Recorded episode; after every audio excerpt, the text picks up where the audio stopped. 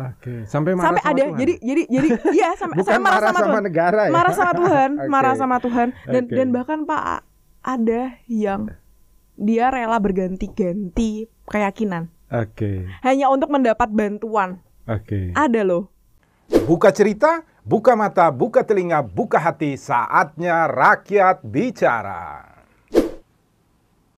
Mbak Dewi, selamat pagi.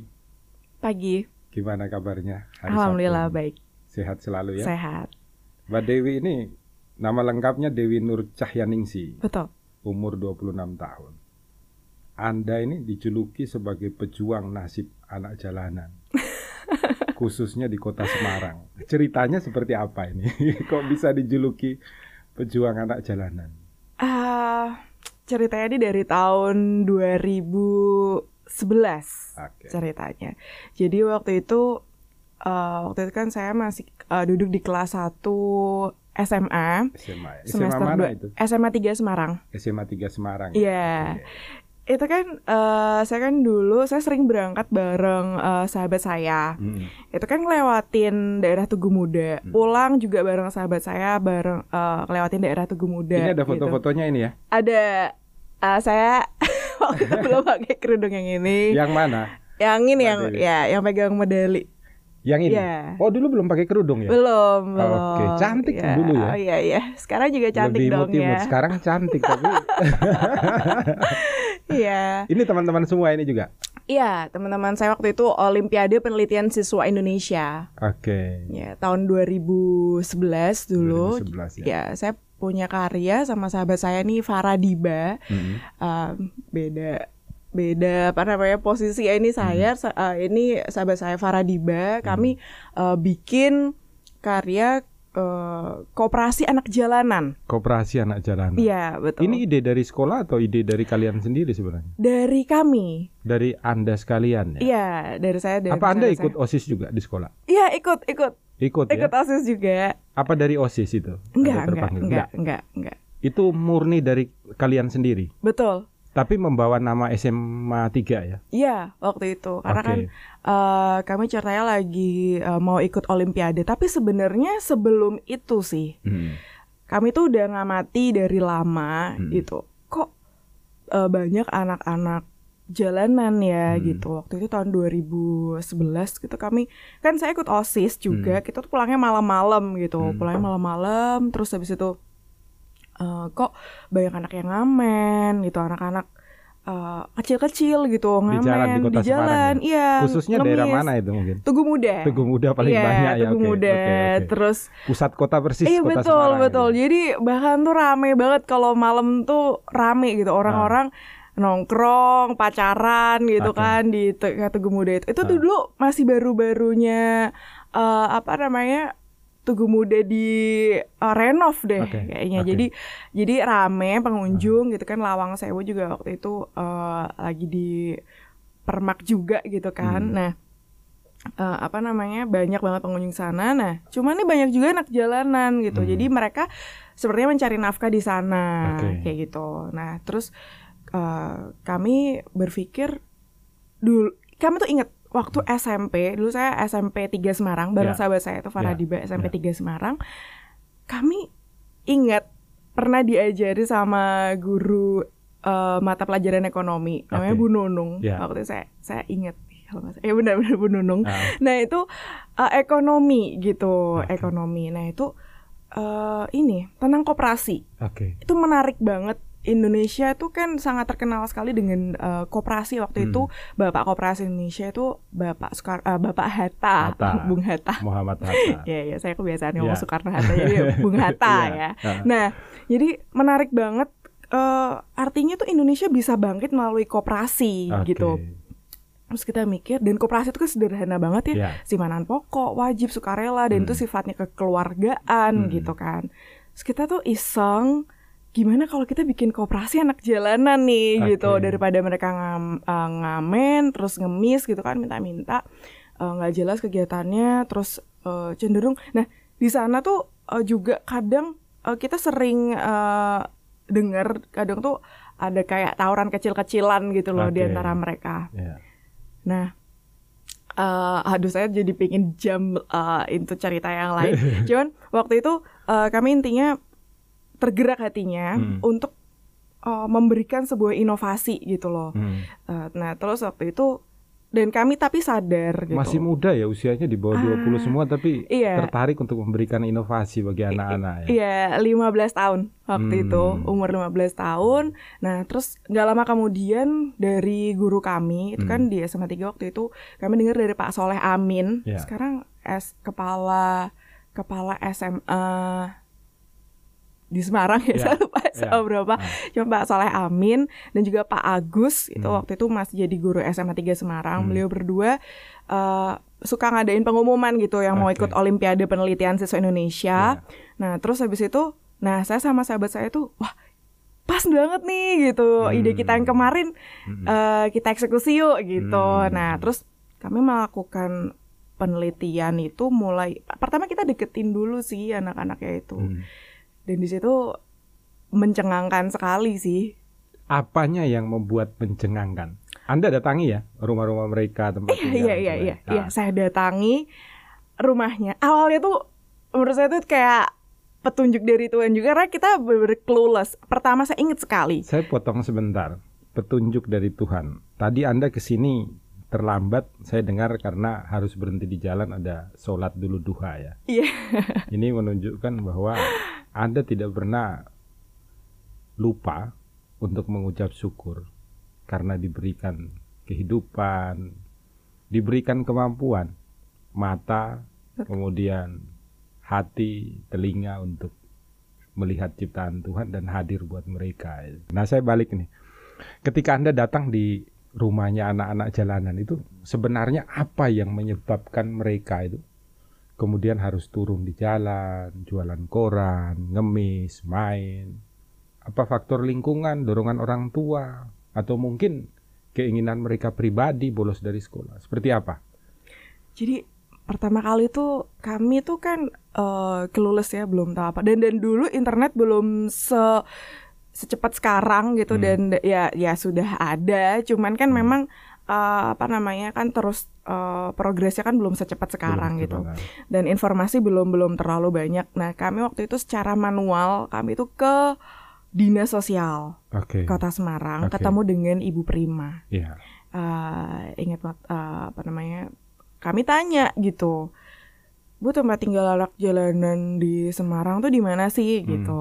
Terus habis itu dinas sosial apa yang sudah dilakukan gitu Hmm. dan eh, kemudian eh, beliau menjawab sebenarnya tuh kalau dari dinas sosial itu udah udah sering gitu kayak misalkan mentertibkan segala macam gitu. Mentertibkan. eh mentertibkan. Bukan menolong mereka. Kalau ya menurut pengakuannya anak-anak Ah. itu bahkan ada yang sampai ketakutan. Pertama kali saya datang Ah, Sangat dikira takut. dari dinas sosial. dikira dari dinas sosial takut takut Oke, banget oke. jadi ada yang sampai nangis nggak mau ketemu saya kayak Katanya gitu Anda sempat takut juga ya karena daerah yang Anda datangi itu serem-serem, iya iya banyak iya bertatonya kayak saya gini, kemudian kuburan lagi gelap. iya gitu. benar benar benar Ah, nah jadi jadi em, itu terus kemudian saya datangi Hmm. eh, petunjuk dari eh, Bu Prima itu cuman tuh saya nggak ngerti eh, jalanan di berkota ya ya. saya tuh asal sama teman saya itu muter aja keliling bergota gitu Hmm. sampai ke sampai ke daerah atas atas atas atas gitu Ya. Ternyata tuh gunung ya gunung Ya. berintik gitu Ah, Gunung Berintik. Ada kuburan di situ juga. Iya iya dan dan maksudnya memang eh, memang ternyata eh, memang seperti gunung ya maksudnya tuh bukit lah ya Ya. itu ternyata terus kita sampai di tempat yang itu eh, apa namanya kok pemukimannya itu memang sangat padat penduduk gitu Hmm, dan hmm. di sana itu agak-agak serem-serem ya waktu Hmm, itu hmm. gitu sekarang sih eh, ya udah nggak gitu serem lah ya Hmm. gitu cuman kalau dulu karena kan sekarang udah kampung pelangi nih Ya, ceritanya ya. nah kalau kalau dulu tuh belum Belum. belum nah terus itu di sana kami nanya pertama kali eh, saya tuh inget banget eh, pesan guru saya tuh kalau mau nemuin masyarakat Hmm. pegang dulu tokoh masyarakatnya Oke. gitu. Jadi kalau ada apa-apa selamatin sama tokoh Oke, masyarakatnya. Terus kami cari tokoh masyarakat di sana gitu. Terus uh, kami bilang dari uh, SMA 3 gitu kan, Hmm. mau ngadain uh, penelitian, mau mau berkunjung gitu kan. Tokoh masyarakatnya preman juga nggak? Enggak, justru ibu-ibu loh. Oh ibu-ibu. Iya, Oke. namanya Bu Prapto Oke. waktu itu. Nah, Hmm. uh, sekarang juga beliau masih ada gitu, Bu Prapto. Kerjanya apa, Bu Prapto? Bu Prapto sekarang sih sudah sudah tua ya, sampun Hmm, sepuh gitu. Waktu itu. Uh, waktu itu? Iya, iya, waktu itu juga udah tua juga. Oke. Waktu udah udah tua juga. Berarti tuanya menetap ya?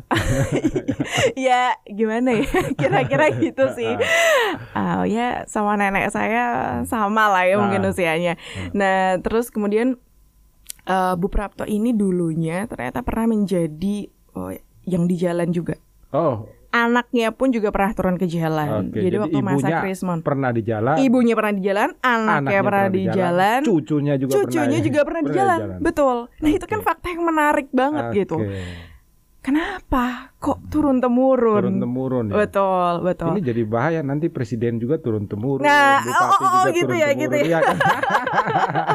bisa jadi ya. Tapi kita berharapnya orang-orang yang berbuat baik juga turun temurun betul, gitu loh. betul, Ini betul, yang penting betul, juga. betul, Nah, betul. Eh, sebenarnya penyebabnya itu apa sehingga banyak anak yang harus turun di jalan Nah, dari hasil penelitian Anda? Ketika ketika di sana itu kami kami datang ke rumah-rumahnya, Hmm. kami mewawancara, ya sebenarnya tanya-tanya gitu. Tapi Bu Prapto dan eh, Ibu Ayu ini Ya. sekarang udah nggak lagi turun ke jalan, jadi mereka justru menjadi aktivis nih supaya Ah, eh, anak-anak di sana tuh nggak lagi turun ke jalan juga Hmm. gitu. Nah, eh, apa namanya? Waktu itu saya dikenalkan dengan beberapa anak Hmm. gitu, beberapa anak di sebelah rumahnya persis tuh juga eh, ada yang turun ke jalan, Hmm. kami dikenalkan gitu kan. Eh, kami eh, apa namanya berbincang gitu. Hmm. Kita janjian yuk di Tugu Muda. Nah, awalnya itu kita main gitu, main terus eh, di Tugu Muda. Nah, tapi ternyata dia bilang katanya mau bawa temen-temennya. Oke. Tapi teman-temannya nggak datang. Oke. Jadi akhirnya cuman tinggal bertiga doang. Saya berdua sama dia sendiri Oke. gitu. Terus habis itu eh pertama eh ya dia nyampein karena nggak nggak gampang sama teman-temannya itu. Oke. Karena ya ini udah trauma dulu sama dinas sosial Hmm, katanya. hmm, hmm. Eh, eh, sama satpol pp sih sebenarnya yang bikin yang bikin, Bikin trauma tuh satpol trauma. pp. Nah ini menarik. Satpol ini. Jadi PP. ternyata apa yang dilakukan negara melalui pemerintah ya satpol pp sama dinas sosial itu bukan membuat mereka menjadi baik justru menjadi takut.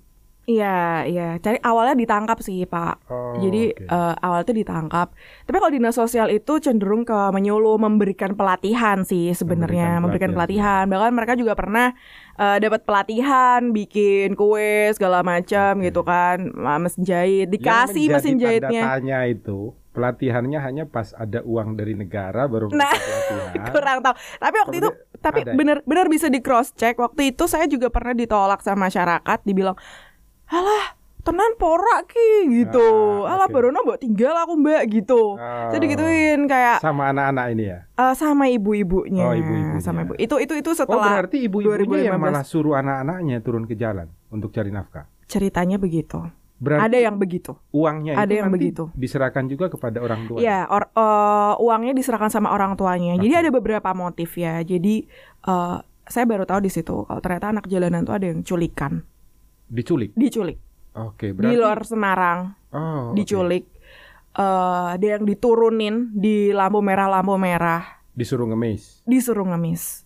Nanti Kalau tahu dulu ada yang eh, eh, ya ini mungkin eh, apa ya agak kontroversial juga ya. Hmm. Tapi waktu itu juga udah pernah ada eh, investigasinya juga Hmm, eh, oleh oleh media ya. hmm. Nah itu eh dan di- ditangkap polisi juga waktu itu. Jadi kan memang ada ada yang di drop drop gitu, Hmm. di drop drop. Ada ada yang waktu itu kalau pernah dengar Pak Yosef tuh jadi ada yang anak-anak jalan tuh yang yang eh, mohon maaf kayak eh, badannya besar besar gitu, Oke. Eh, obes ya. Obesitas. Obesitas. Di Semarang ada itu beberapa. Nah Ya. itu tuh dibawa diturunkan sengaja gitu loh, sengaja Ah. dipekerjakan kayak gitu. Oke. Ibaratnya mau jalan aja susah, gimana caranya bisa nyampe ke situ pagi-pagi? Iya, iya, iya, gitu. iya, iya. Terus eh apa namanya?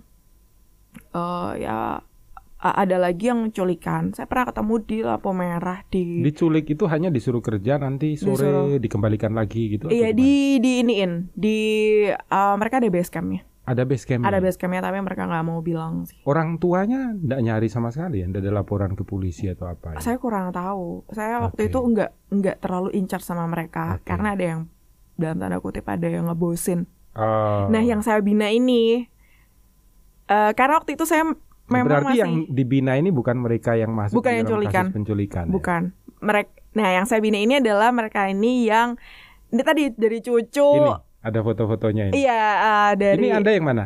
saya yang itu kerudungan yang Yang Iya. kerudung ada warna-warni iya ya? iya itu Oke. Ini di mana ini? di balai desanya Gunung Berintik sih Gunung Berintik ya. iya iya Ini anak-anak yang asli bukan penculikan tadi. bukan bukan bukan memang anak-anak di sana Di sana. memang anak di sana Ini Kalau yang rata-rata mereka ini disuruh orang tua. ada yang disuruh nah tapi ini nggak semuanya anak jalanan juga karena kan di sana tuh kayak membaur gitu sih pak Oh, oke. membaur gitu uh, Nah. uh, ya lingkungan yang ada di sana tuh juga membaur ikut juga gitu Ikut juga. nggak kita pilah-pilah sih ayo yang mau ikut belajar ayo gitu dan kita Apa ajak. yang dikasih belajarnya ini di sana? kita uh, ada Bahasa lima Inggris katanya. Iya iya ada lima pilar karakter Oke. yang kita utamakan di sana Apa aja itu? keimanan Keimanan, nasionalisme nasionalisme, teknologi teknologi, motivasi, motivasi, kewirausahaan kewirausahaan. Heeh. Oke. Tapi ini eh, udah masanya dynamic learning ya. Waktu koperasi anak jalanan ini belum belum tercetus seperti ini. Karena waktu itu masih nomor satu ya. ya ya betul. Hmm. Sampai saya pernah dicurigain sebagai gavatar loh. Saya dengar katanya Iya, Anda dicurigai iya. gavatar. Iya gitu betul ya. betul. Saya sampai dibawa ke Yang curigai warga atau polisi? eh, perangkat desanya, Oh perangkat desa. perangkat desanya. Terus dibawa ke mana? Dibawa ke kantor kecamatan Sleman. Oh itu di Jogja ceritanya. Hmm, di Jogja ceritanya. Di Jogja katanya Iya. mengalami penolakan besar ya di sana ya. Ya lumayan sih. Sampai Oke. jadi tuh kami curiga gini. eh bukan nggak curiga sih sebenarnya awalnya gitu dari Hmm. Oh kalau mau ke desa itu harus lewat kelurahan dulu mbak gitu. Hmm, hmm. Nah sama Pak Lurahnya itu udah oke nih, Nah. udah ke udah oke eh, di di sana di daerah Catur Harjo gitu, Hmm. udah oke. Terus habis itu besoknya udah oke juga sama teman-teman. Nah, ketika saya tuh mau eh, menuju ke eh, apa namanya base campnya Karang Taruna di sana, tiba-tiba ada perangkat desa yang ngabarin, Mbak, suruh ke kecamatan dulu izin. Oke. Kita ke kecamatan. Dicek di sana. Dicek ternyata di sana. Diinterogasi Diinterogasi di sana. Itu Anda masih SMA atau sudah Sudah waktu? kuliah. Di Undip ya? Di Undip ya. Apa ambil fakultasnya? Ilmu sosial, ilmu politik.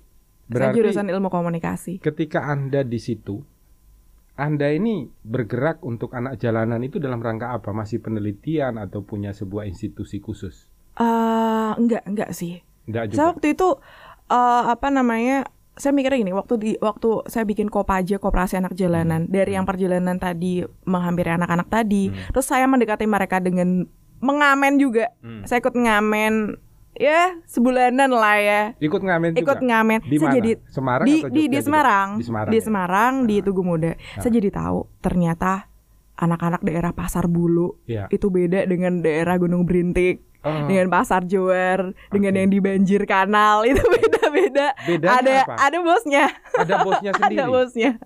ada. Oke. Oh, ada bosnya juga. Kenapa bos-bosnya ini tidak pernah disentuh oleh pemerintah ya? Dinas sosial. Hmm, kurang tahu. Justru anak-anaknya yang ditangkap. Kurang tahu mungkin bisa kabur, mungkin mereka nyuruh sih. Bisa kabur ya. Mm-mm. Jadi ternyata ada Mm. bos-bosnya sendiri ya. Ada ada ada bos-bosnya. Ada yang juga- dituakan.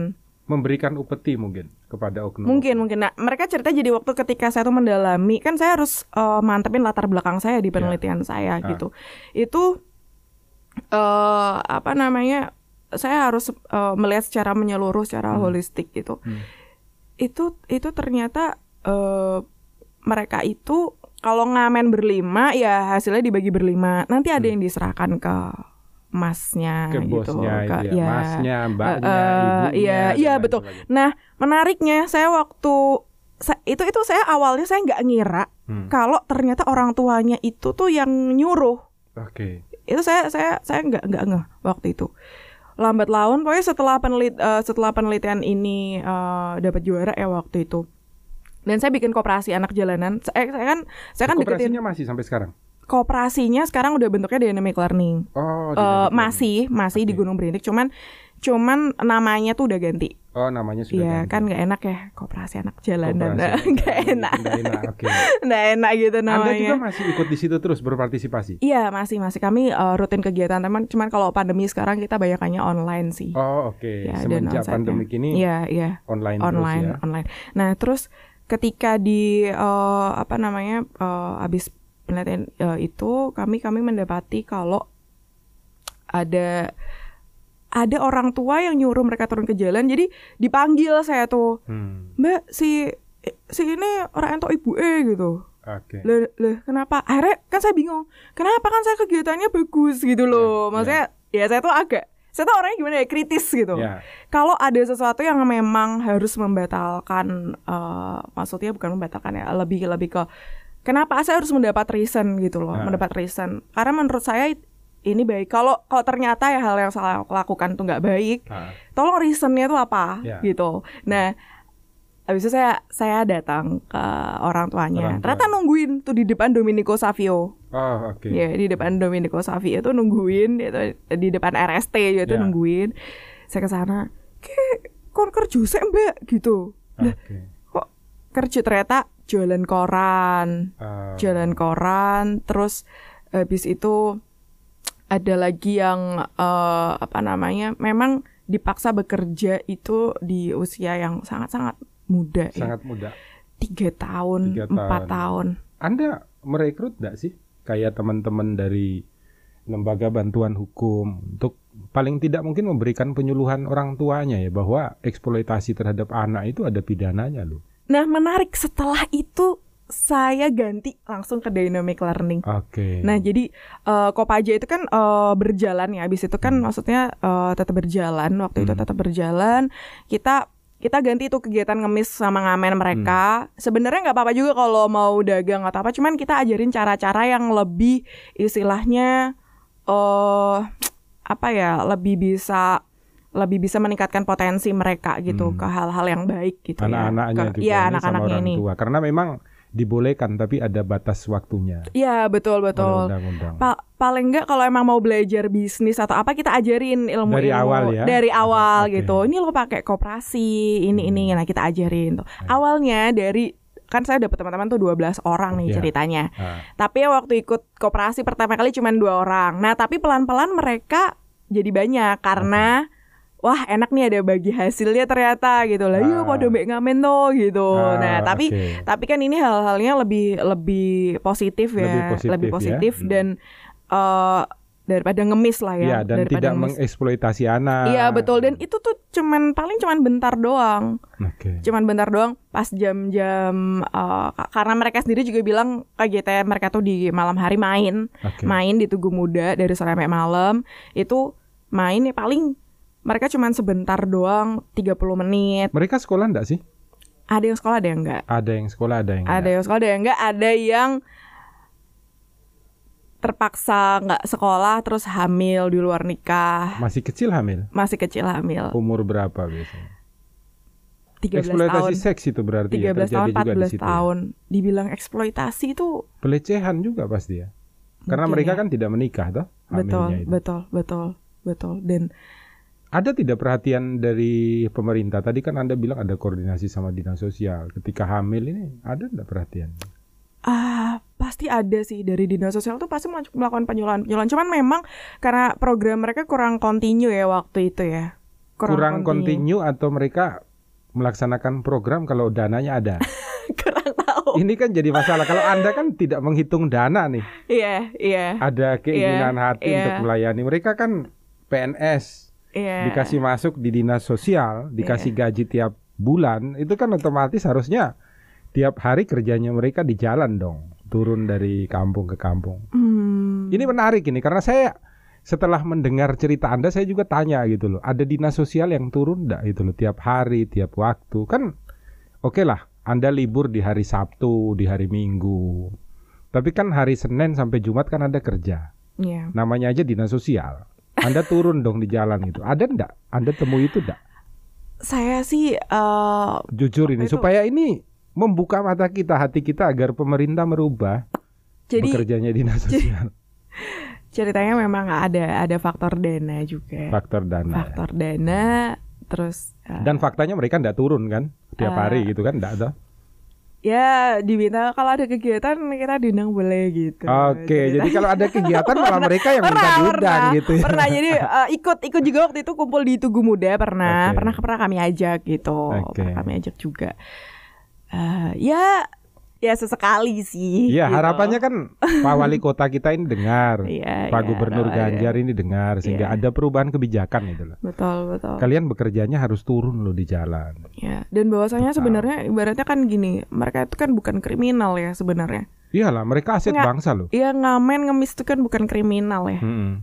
eh anak-anak tuh takut ditangkap gitu mbak Dewi wedi gitu ya walaupun sebenarnya ujung-ujungnya dikembaliin lagi sih Iya, takut ditangkap tapi patuh sama perintah orang tua iya, kan. iya betul Itu betul masalahnya. betul betul itu sih Jadi dua pihak ini kan harus diberikan edukasi semua. nah toh? nah jadi setelah itu eh apa namanya setelah setelah koperasi anak jalanan ini Hmm.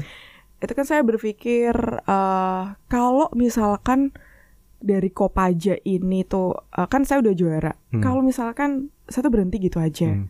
Kesannya tuh jujur aja di hati nurani saya saya merasa seperti apa ya kayak oh jangan-jangan aku cuma manfaatin doang Ya. gitu loh. Aku nggak mau kayak Ya, gitu gitu. Jadi nah waktu itu kan juga dapat apa namanya dapat dapat uang pembinaan juga ya kami. Hmm, hmm. Nah, itu Uangnya dipakai buat jajan atau dipakai untuk ah kami punya rekening sendiri. oh, rekening punya rekening sendiri, untuk eh, ditaruh di situ. Oke. Jadi bahkan dulu ikut pekan kreativitas mahasiswa Oke. dari Cambridge Tech Dikti Ah, itu eh, lewat dynamic learning Hmm. itu saya dan tim saya ya, itu ada Meriza, Rudi, Ahmad juga berapa anggota Itu- sih dynamic learning? dynamic learning sekarang Ya, lokasinya ya. eh, Gunung Berin, eh, Gunung Berintik terus di ini Jogja, Di Sleman Jogja. terus habis itu ada di eh, Pulau Kamaro, Pulau Kamaro itu mana ya? Palembang. Oh, Palembang. Palembang terus sama di Serpong Serpong, belakang pasar Serpong Jakarta. Iya Jakarta eh, Tangerang Selatan Tangerang ya.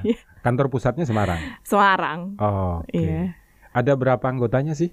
Di Semarang, Eh, Jogja, kemudian Serpong, jujur juga Palembang. jujur saya kalau suruh ngitung banget tuh saya nggak pernah ngitung banget ya. Aktivis semua juga. Ah, aktivis aktivis sih. Rata-rata masih muda atau ada yang masih sudah tua aja? masih muda ada yang ada yang sudah ya dibilang tua nggak juga sih. Mereka berjiwa muda ya. Ada Ah, ada Mbak Lintang Ratri dia dosen ilmu komunikasi Undip terus Mas Meidi Saputra itu oke. dosen juga gitu. Jadi eh ada juga yang ada juga yang memang jadi kawan kami gitu. Kalau kami mintain saran gitu. Oke. dan eh, banyak banyak hal yang eh, dapat insight juga dari mereka kayak gitu Hmm. terus terus eh, menariknya dynamic learning ini juga punya kawanan dari teman-teman dari Singapura juga Oh, oke. gitu waktu itu ikut ASEAN Startup Accelerator Oke. Nah, jadi tuh saya banyak bereksperimen sebenarnya gitu bagaimana kita eh, memajukan dynamic learning ini Hmm. gitu Bekerjanya kalian itu dananya dapatnya dari mana? Iuran pribadi, bantuan pemerintah? kami tuh eh, nggak nggak iuran ya Hmm. Eh, tapi berdagang Berdagang. Iya tapi Ada udah udah pada pinter-pinter bikin sih sekarang Ah. udah udah pada studi kami goalsnya tuh supaya nggak lagi nyuruh anaknya turun ke jalan gitu aja sih sebenarnya. Iya, sebenarnya terserah mau bekerjanya tuh apa gitu. Hmm, Karena kan hmm. kreativitas mereka tuh eh, macam-macam ya dan banyak potensi sebenarnya. Kopaja itu barang-barangnya itu juga dari orang tuanya juga loh sebenarnya. Kayak Hmm. eh, jualan pisang karamel, martabak waktu itu, terus eh, pisang kremes dan lain-lain itu juga dari mereka juga Dari gitu. mereka. Jadi Ada enggak anak-anak jalanan yang jual narkoba, obat terlarang? Anda.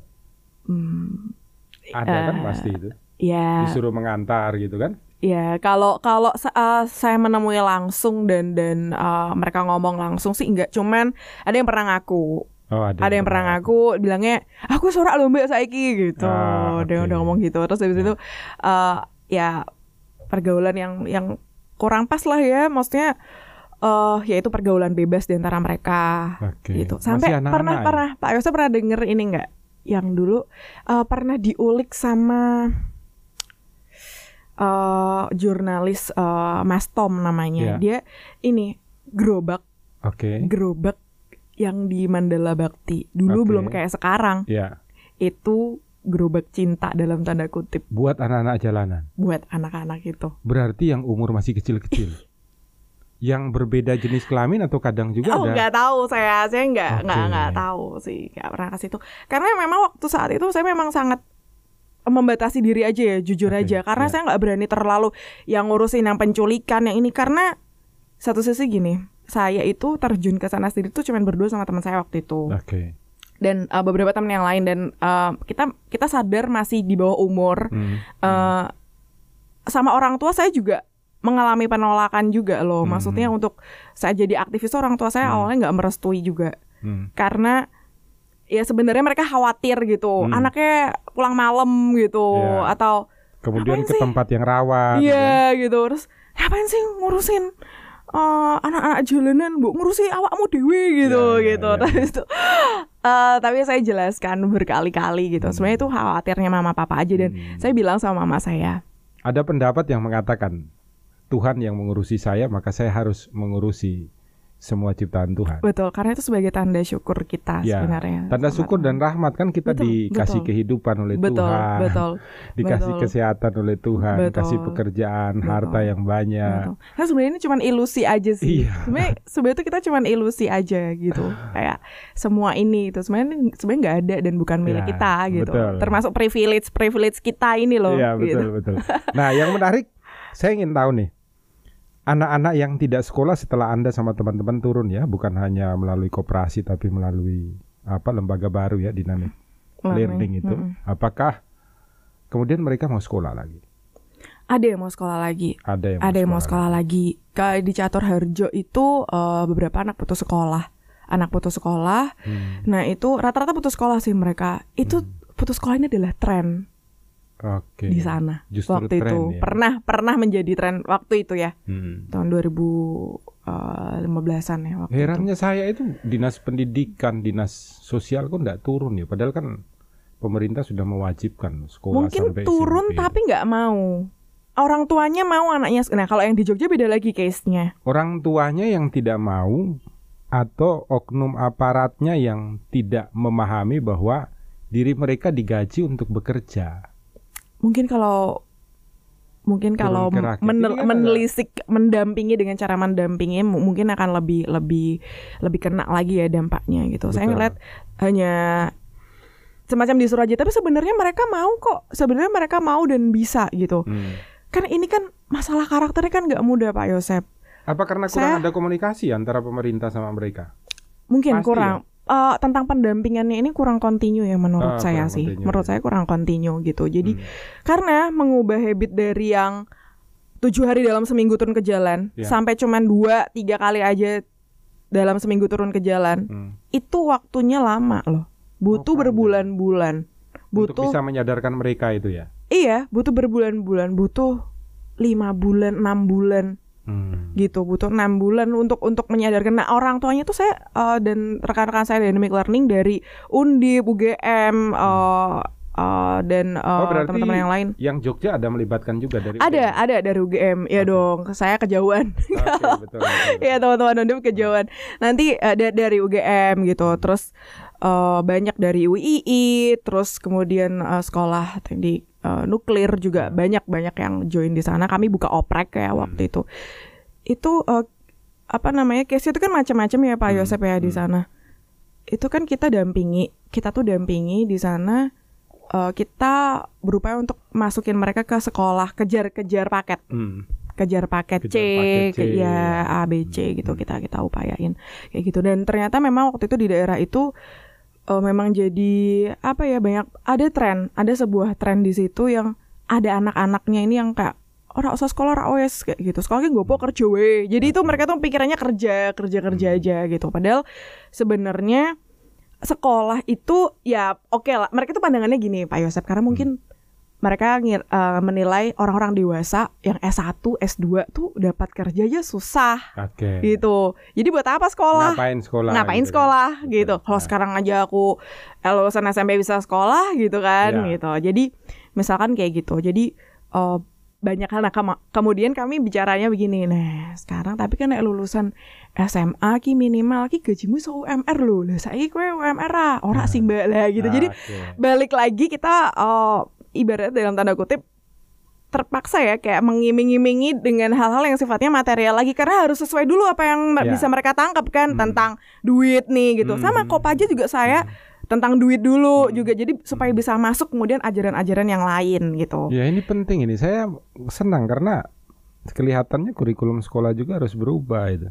Iya, karena Bukan untuk mencari kerja tetapi untuk mendidik orang menjadi manusia. betul. Sehingga betul. menarik kan. Betul, betul, betul. Sehingga kita itu. ketika mulai sekolah kan sudah bisa memilih saya mau ambil apa supaya masa depannya saya lebih bagus. Jadi tidak mengikuti kurikulum sekolah. Iya. ya.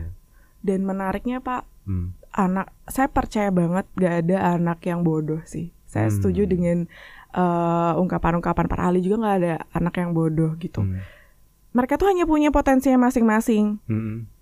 Anak-anak eh, bimbingan eh, saya juga ini, Hmm. ada dia tuh nggak bisa baca tulis. Hmm. Dia eh, nyon sewu ibunya ini pekerja seks, Oke. pekerja seks komersial. Bapaknya nggak tahu siapa dia, bapaknya itu beda dengan kakaknya. Oke. Kakak bapaknya beda dengan kakak eh, bapak dari kakaknya. Oke. Dibilang bapak juga Satu ibu tapi banyak bapak gitu kan. betul, Nah, Peterson betul. itu anak rembulan. Nah, kira-kira seperti iya, itu. oke. Nah, terus eh kemudian dia sering dikucilkan di situ. Hmm. Saya pernah ajak bicara Hmm. sampai dia juga nangis juga gitu. Bisa sekolah. Dia dia sekolah, dia sekolah, Hmm. cuman sangat dikucilkan. Oke. Jadi nakal, Oke. jadi nakal. Terus habis itu saya tanya, dia dia juga nggak bisa baca. Waktu itu belum bisa, Hmm. belum bisa baca. Hmm. Tapi saya kasih soal matematika, dia di luar kepala. Kayak bener-bener eh ini eh, jago banget hitung eh, Oke. kali bagi waktu itu us- usianya masih ya masih kelas 1 2 SD lah waktu itu. Oke.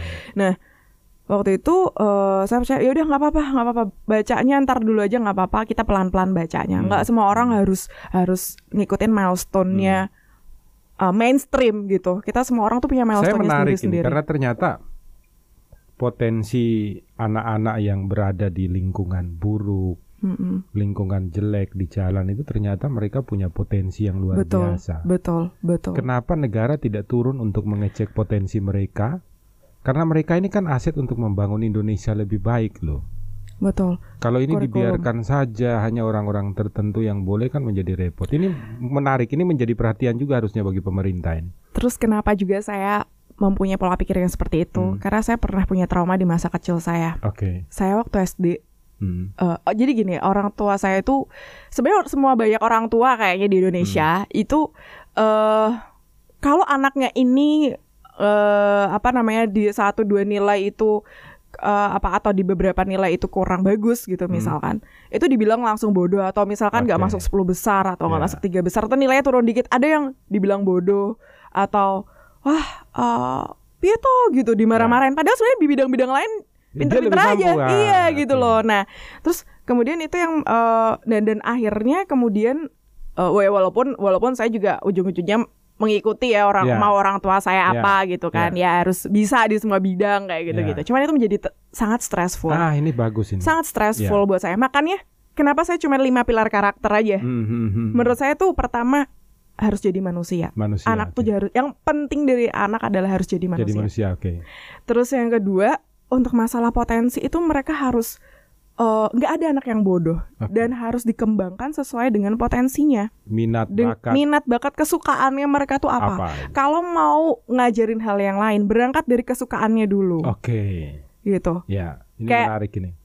Mereka saya bisa ajarin kooperasi dari awalnya saya ini gimana pingin bisnis rak kue gitu-gitu. Jadi Oke. Jadi benar-benar di awal hal yang seperti itu. Terus ketika dia belum bisa baca tapi bisa berhitung, ya berawal dari berhitung dulu gitu loh. Jadi nggak nggak nggak masalah sebenarnya itu ibarat eh, tren cantik, tren ganteng, cantik tuh yang harus tinggi, putih, langsing begini begini. Ya. Padahal sebenarnya yang eh, badannya agak berisi, terus kulitnya agak hitam gitu, Ya. agak berwarna gitu. Hmm. Itu juga cantik dengan cara mereka sendiri. Cara pandang yang Cara berbeda. pandang yang berbeda bisa nggak kita tuh ngelihat Hmm, orang hmm, itu pinter dengan cara yang berbeda. hmm. Itu yang saya coba terapkan di anak-anak ini Ya bahwa ini kan yang baru rame juga ada anak yang tidak mendapatkan nilai agama kan? tidak naik tiga tahun berturut-turut ini kan Iya. juga tidak boleh gitu karena Iya. sudah tidak ada guru agamanya. Iya. Kemudian bisa saja kan mereka mahir dalam bidang lain. Ini Mm-mm. perlu Mm-mm. untuk menjadi pelajaran bagi pemerintah, bagi semua dinas Mm-mm. terkait ya, Mm-mm. bahwa ke depan membimbing anak ini harus mengetahui. Jadi kalau nilai bahasa Indonesianya buruk, tapi dia hebat di matematika ya harusnya dia naik, dikembangkan di Iya. bakatnya Iya. khusus gitu kan. Betul. Kayak Tapi kayaknya sekarang Pak Nadiem Makarim udah mulai mulai mau ke arah sana, cuman Hmm. masih pelan-pelan. Hmm. Eh, udah mulai ke arah sana gitu. Eh, mulai sekarang udah nggak ada UN. Ya. Nah saya termasuk setuju banget gitu. Kenapa sih harus dipukul rata pakai UN Hmm. gitu? Hmm. Padahal sebenarnya banyak hal eh, sukses lain gitu eh, yang yang bisa menjadikan anak itu sukses, seseorang Oke. itu eh, menjadi sukses, menjadi hebat gitu. Oke. Termasuk jadi youtuber gitu, Ya. orang yang kreatif segala Kreatif, macam itu kan juga juga bisa gitu. Mungkin Hmm. saya tuh ya masuk di ilmu komunikasi fisip itu tuh pingin menghindari matematika Oke. gitu loh. Tapi kan ya nyatanya bisa-bisa aja kan Ya, gitu ya, gitu. ya, ya. Maksudnya bisa-bisa aja kita bersinar di hal-hal yang lain yang nggak disebut mainstream gitu. Hmm, hmm. Gitu. Mungkin saya mungkin eh, teman la- teman yang lain ada di bidang yang eh, melengkapi saya atau gimana gitu kan. Cuman kan kita punya bisa bersinar di hal-hal sendiri. Dan itu menariknya saya eh, ngajarin keimanan, nasionalisme, eh, teknologi, motivasi dan kewirausahaan. Hmm. Karena ke- ketuhanan, keimanan ini sesuai dengan agamanya masing-masing. Oke. Di sana itu banyak yang Kristen juga, Oke. yang Katolik juga. Ya. Saya ada pembimbing-pembimbing eh, teman-teman dynamic mentor itu yang agamanya Kristen Katolik. Waktu rekrutmen saya juga bilang agamanya apa aja Hmm. gitu. Itu juga nggak masalah. Yang penting ngajarin adik-adik. Saya juga nggak mungkin masa saya ngajarin agama Kristen Ya. atau eh, atau saya paksa kamu agama Islam gitu kan nggak Ya. nggak gitu. Ya. Tapi sesuai aja. Terus yang penting eh, saya ngajarin untuk berdoa sih, Hmm. untuk berdoa, untuk senantiasa mengingat Tuhan karena tujuan utamanya memang eh, harus harus lurus dan dan di jangan gini. eh, saya juga mengajarkan ke teman-teman juga ke adik-adik ini jangan pernah membenci Hmm, kamu tuh dari mana. hmm, Asal muasal kamu tuh kamu jangan pernah benci. hmm. Banyak dari mereka tuh pertama kali saya temuin tuh merasa nggak adil Karena mereka lahir Karena mereka lahir, iya. Dari PSK. dari pelacur ya kalau kita bilang. ya. Iya betul, betul. Tapi yang menarik adalah semuanya ciptaan Tuhan. betul, Sama gitu betul, bukan? betul. Dan saya eh, sering kali ada sesi kelas yang banyak loh dek, eh, yang bahkan dari berjuang dari lingkungan yang kurang baik Hmm. gitu. Tapi mereka bisa jadi bersinar gitu. Ya. Terus eh, dari Semarang juga gitu. Terus ada yang yang awalnya susah-susah dulu gitu. Semua Hmm. intinya harus pakai usaha dan kamu harus yakin Tuhan itu akan sesuai dengan prasangka hambanya. Kita harus membuka ruang ya Betul, betul, betul. Karena kita semua punya hak yang sama Hmm. gitu di mata Tuhan gitu. Nggak ada yang uh, lebih baik di mata Tuhan kecuali orang itu tuh memang berbuat baik untuk dirinya sendiri dan untuk orang lain Oke. gitu. Saya contohin waktu itu kayak uh, Om Tukul Arwana kayak gitu. Hmm. Saya juga pernah ketemu dengan Om Tukul juga Hmm. gitu. Ya Presiden Jokowi juga kan lahirnya dari Iya betul. Jadi kayak masyarakat jelata. uh, banyak lah ya Pinggir figur. kali kan hidupnya figur, hampir iya, sama lah betul. dengan Gunung Berintik lah. Ya figur Ah. tokoh banyak banyak lah. Maksudnya ini bukan semacam glorifikasi Ya, yang ah mimpi tuh gitu Ya. enggak enggak tapi ini nyata sih gitu saya juga eh contohkan diri saya sendiri pun walaupun saya punya privilege maksudnya saya eh, lahir bukan dari keluarga yang seperti mereka gitu Ya. tapi tapi paling tidak saya menunjukkan saya tuh ini berusaha berusaha keras juga gitu loh jadi eh, dan berupaya untuk eh, memberikan apa ya menjadi berkat untuk sesama Untuk mereka. juga Nah, gitu yang mau saya tanya ini mungkin sesi kita sebentar lagi selesai. Ada tidak motivasi yang bisa Mbak Dewi berikan kepada teman-teman nih kan banyak anak SMA, mahasiswa, mahasiswi yang sebenarnya itu waktu longgarnya banyak. Mm, mm. Ada tidak sesuatu yang bisa Anda berikan motivasi kepada mereka supaya mereka mau ikut andil, ambil bagian di dalam kehidupan ini? Oke, eh, yang pertama buat para eh, perempuan nih, Hmm, terutamanya, hmm, dan juga eh sebenarnya nggak cuma perempuan sih buat eh, laki-laki juga. hmm, Tapi eh, pentingnya kenapa saya juga berangkatnya dari ibu-ibu, hmm, hmm, karena ibu-ibu eh, itu juga Bung Karno juga yang bilang hmm. ibu-ibu itu adalah wanita tuh tonggak bangsa. Oke. when we educate a man, Yeah. we just educate one person. Oke. But when we educate a woman, we educate a nation. Oke. Gitu. Kalau karena perempuan itu madrasah pertama dari agen sosialisasi Oke. primer dari keluarga itu, gitu. Terus kalau buat eh, teman-teman aktivis atau atau Yang anak-anak belum muda, oh aktivis, yang belum yang belum aktivis, yang belum yang belum aktivis mungkin yang anak-anak muda yang banyak waktu luang ya mungkin Hmm. ya eh, rebahan ya banyak-banyak rebahan Hmm, gitu. hmm. Rebahan main hype handphone itu main. Teman-teman, iya teman-teman harus ingat bahwa teman-teman ini punya privilege sekarang Oke. dan teman-teman jangan eh, dan ini tuh adalah sebuah sebuah apa namanya nikmat yang besar. Tapi kelalaian yang besar adalah yang pertama adalah waktu luang. Oke. Jangan sampai Tuhan itu mencabut privilege itu dari kamu dan kamu menyesali yang udah dulu gitu. Oke. dan jadi agen perubahan itu apa ya ini ini kalau kalau aku ngomongin lebih ke yang hal-hal yang eh, memotivasi yang eh, apa ya istilah tentang negara dan segala macam aku rasa udah banyak ya Hmm. tapi aku lebih pingin bicara dari hati ke hatinya teman-teman semuanya anak muda gitu Hmm. teman-teman kita itu kan ya itu berangkat dari pri- privilege kita harus menyadari ini harus menjadi berkat buat sesama Hmm. gitu eh apa ya di mana di mana nurani kita kalau misalkan kita tuh membiarkan yang lain itu eh apa ya tidak apa ya tidak apa ah gini apakah kamu itu manusia ketika membiarkan yang lain itu eh hidup hidup dengan apa ya serba Dengan kekurangan. kekurangan. tapi sebenarnya kamu itu bisa menjadi eh, berkat buat mereka gitu Hmm, loh Agen perubahan lah buat betul mereka. Betul nah saya Itu tuh buat- saya, saya nggak yakin apakah teman-teman tuh sudah cukup menjadi manusia bahkan diri saya sendiri Iya. sampai detik ini Betul, sampai betul. detik ini apakah saya tuh Jangan-jangan udah kita bener menjadi binatang semua malah. nah ya. saya tuh takut banget pak saya bener-bener takut banget Hmm. aku tuh apa aku udah udah bener ya jadi Hmm. manusia itu Kalau buat Buka- bukan bener bukan Hmm. bener ya bukan kalau bener tuh banyak banyak ini ya banyak uh, parameternya untuk Hmm. Ya. menjadi ben- bukan bener sih bukan bener tapi apakah udah menjadi manusia manusia itu kan punya akal punya budi ya, kita bisa berpikir kita punya nurani itu yang membedakan sama binatang gitu Oke. jangan sampai kamu mati menjadi binatang Oke. itu aja sih Kalau masukan mungkin buat pemerintah khususnya dinas sosial pendidikan seperti apa?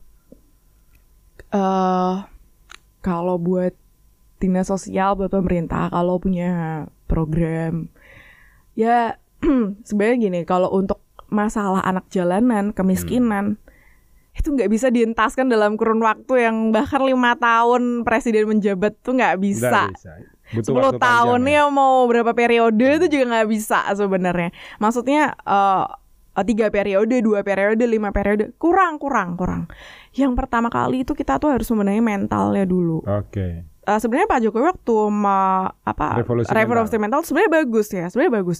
Cuman program ini harus lebih kontinu lagi gitu. Dijalankan ya. Dijalankan lebih kontinu dan dan mendampingi betul-betul dan mendampingi Hmm. betul-betul. Nah, bahwasanya ketika seseorang itu eh, belum mau mengikuti, Hmm. kita harus mencoba untuk lebih mendalami lagi. Cuman kan memang kadang orang ini ada sabarnya ya mungkin ya kayak ah udah lah kalau nggak mau ikut gitu tapi kan bayangkan kalau orang yang nggak mau ikut terus menjadi racun di antara yang lainnya itu Yang lain. bagaimana Nah ini yang menariknya begini. Nah sekarang dari semua yang anda sampaikan itu saya ingin merangkum bahwa, hey dinas sosial, hey dinas pendidikan, kalian itu kan digaji sama rakyat. Mm-mm. Turunlah untuk memberikan contoh bagaimana cara melayani anak jalanan.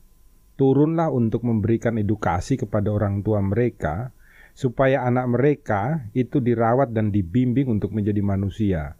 Turunlah untuk merekrut aktivis-aktivis yang ada, anak-anak muda yang ada untuk berperan serta membangun anak-anak jalanan ini diberikan ruang, diberikan motivasi, diberikan tempat untuk mereka ikut berkarya untuk Indonesia lebih maju. Jadi intinya adalah kembali kepada pemerintah mendorong Betul. masyarakat untuk berpartisipasi kan dari Betul. semua yang Anda sampaikan saya bisa menangkap garis besarnya seperti itulah. Mungkin di poin terakhir ini paling penting kan buat lingkungan dan orang tua ini. Hmm. Apa yang harus kita lakukan ketika kita melihat di lingkungan kita ini ada orang tua yang menyuruh anaknya turun ke jalan? Apa yang Oke. harus kita lakukan? Yang pertama adalah eh, diajak bicara sih. Oke. Diajak bicara waktu itu Komunikasi berarti. pertama. komunikasi. Komunikasi itu paling penting. Hmm. Komunikasi dan eh, memang harus eh, agak di headshot ya, Oke. gitu, didekati. Kalau kalau terlalu bebal, Hmm. karena ada yang pembenarannya tuh macem-macem. Hmm. sampai sampai ke apa tidak terima sama Tuhan gitu. Oke. Sampai marah sampai sama ada Tuhan? jadi jadi jadi iya sampai Bukan saya marah, sama, Tuhan. negara ya. Marah sama Tuhan, Oke. marah sama Tuhan dan Oke. dan bahkan Pak ada yang dia rela berganti-ganti keyakinan Oke. hanya untuk mendapat bantuan. Oke. Ada loh. Berganti-ganti keyakinan Berganti-ganti. Jadi ini supaya bisa mendapatkan bantuan. Nah, jadi eh nih misal tadinya Islam, Hmm. terus eh, dapat bantuan Hmm. dari gereja Hmm. nanti jadi Katolik. Hmm. Nah, dapat bantuan lagi dari gereja Kristen ganti Hmm. Kristen. Hmm. Dapat bantuan lagi. di- di- jadi ada yang pindah-pindah gitu loh. Itu kayak pejabat politik kita ya. oh ya yang Iya barusan kan? ya. Iya kan ya. Kalau Iya, iya. baik di partai A dia di partai A Eh, betul, gitu. betul, betul. Begitu menarik ya. sudah tidak mendapat apa-apa di partai A dia pindah partai Nah, B, eh, partai C dan betul, seterusnya. betul. Saya oh satu satu lagi saya inget banget ada anak kecil waktu itu Hmm. pertama kali saya Hmm. ikut ngamen. Saya Hmm. tanya, kok cita-citamu jadi apa dek gitu. Yang jelas aku gak ada di DPR sih mbak gitu. Lah, ngopo gitu Ah, gitu. ah. Terus habis itu ah serak percaya lo janji-janjinya apa sampai pernah lo tahu ketemu tuh neng gue omahku jadi pernah di eh, Gunung Berintik gitu. Didatangi Didatangi, didatangi ah debus mbak gitu dia Oke. bilang. Anak-anak kecil aja bisa paham Anak-anak itu ya? tahu gitu karena mungkin yang dijajiin orang tuanya ya waktu itu ya. Mereka Terus mendengar. mereka mendengar betul. betul. Ini sebenarnya Nggak mau. menunjukkan kecerdasan mereka luar biasa ya di dalam betul, memahami betul. problema cerdas, kehidupan ya. cerdas loh.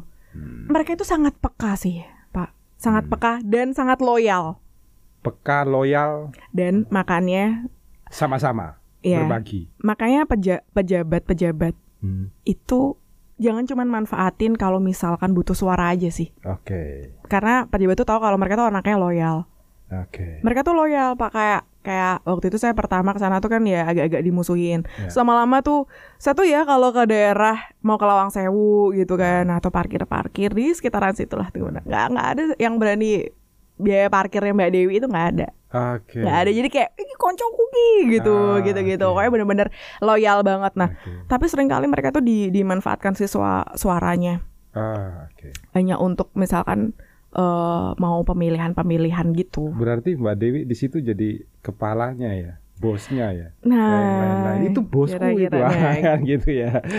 Ya, Oke, gitu Mbak deh. Dewi, sementara mungkin kami dari Rumah Pancasila berterima kasih ya untuk Mbak Dewi Nur Cahyaningsi sudah mau hadir ikut memberikan masukan. Semoga ini nanti membuka cakrawala berpikir kita untuk merubah cara kita berpikir, cara kita berbicara, cara kita bertingkah laku Iya. dan membuat pemerintah serta kita yang lain yang masih banyak nganggurnya ini untuk turun ikut berpartisipasi. Betul. Karena anak-anak ini adalah aset ya buat Betul. bangsa, buat Betul. negara, buat kebaikan kita semua di mana pun. Betul. Dan gak harus pakai uang sih sebenarnya. Perhatian itu ya. tidak bisa dibeli. Betul. Dan untuk mencerdaskan mereka untuk berbuat eh, punya komunitas sosial pun gak harus pakai uang. Dananya dari mana juga nggak nggak harus. Tidak harus ya. Ya eh, eh, investasi pertama itu adalah dari kepala gitu, dari mental. Dari mental kita sendiri. Dari mental kita sendiri. Kita menawarkan ke mereka. Saya punya uang berapa sih waktu SMA? Oke. Nggak punya. Niatnya Gitu. yang Niatnya, ya. betul. Tapi itu memang karunia Tuhan. Yang lain harus diajari untuk bisa memanfaatkan karunia Tuhan secara baik. Baik, Mbak Dewi, terima kasih selalu menjadi cahaya ya, bukan hanya untuk diri sendiri tapi juga buat keluarga, buat lingkungan, terlebih-lebih buat anak-anak jalanan. Doa Hmm. terbaik untuk dynamic learning, semoga ke depan akan ada di setiap wilayah di negara Indonesia dan seluruh teman-teman diberikan kesehatan, diberikan kelimpahan berkat. Amin, amin. amin. Terima kasih banyak sekali lagi buat Saya Mbak. terus buat Pak Dewi. Yosep, buat teman-teman semuanya. Iya. Semoga semakin menjadi berkat buat sesama. Amin, amin. amin. Ini ini bisa kalau di Islam tuh ada yang namanya amal jariah sih. Ya. Makin banyak ditonton, makin memberikan rahmat bagi semua orang. betul. Iya, amin. Terus terus. Makasih, Ya. Mbak Dewi. Ya. Buka cerita, buka mata, buka telinga, buka hati, saatnya rakyat bicara.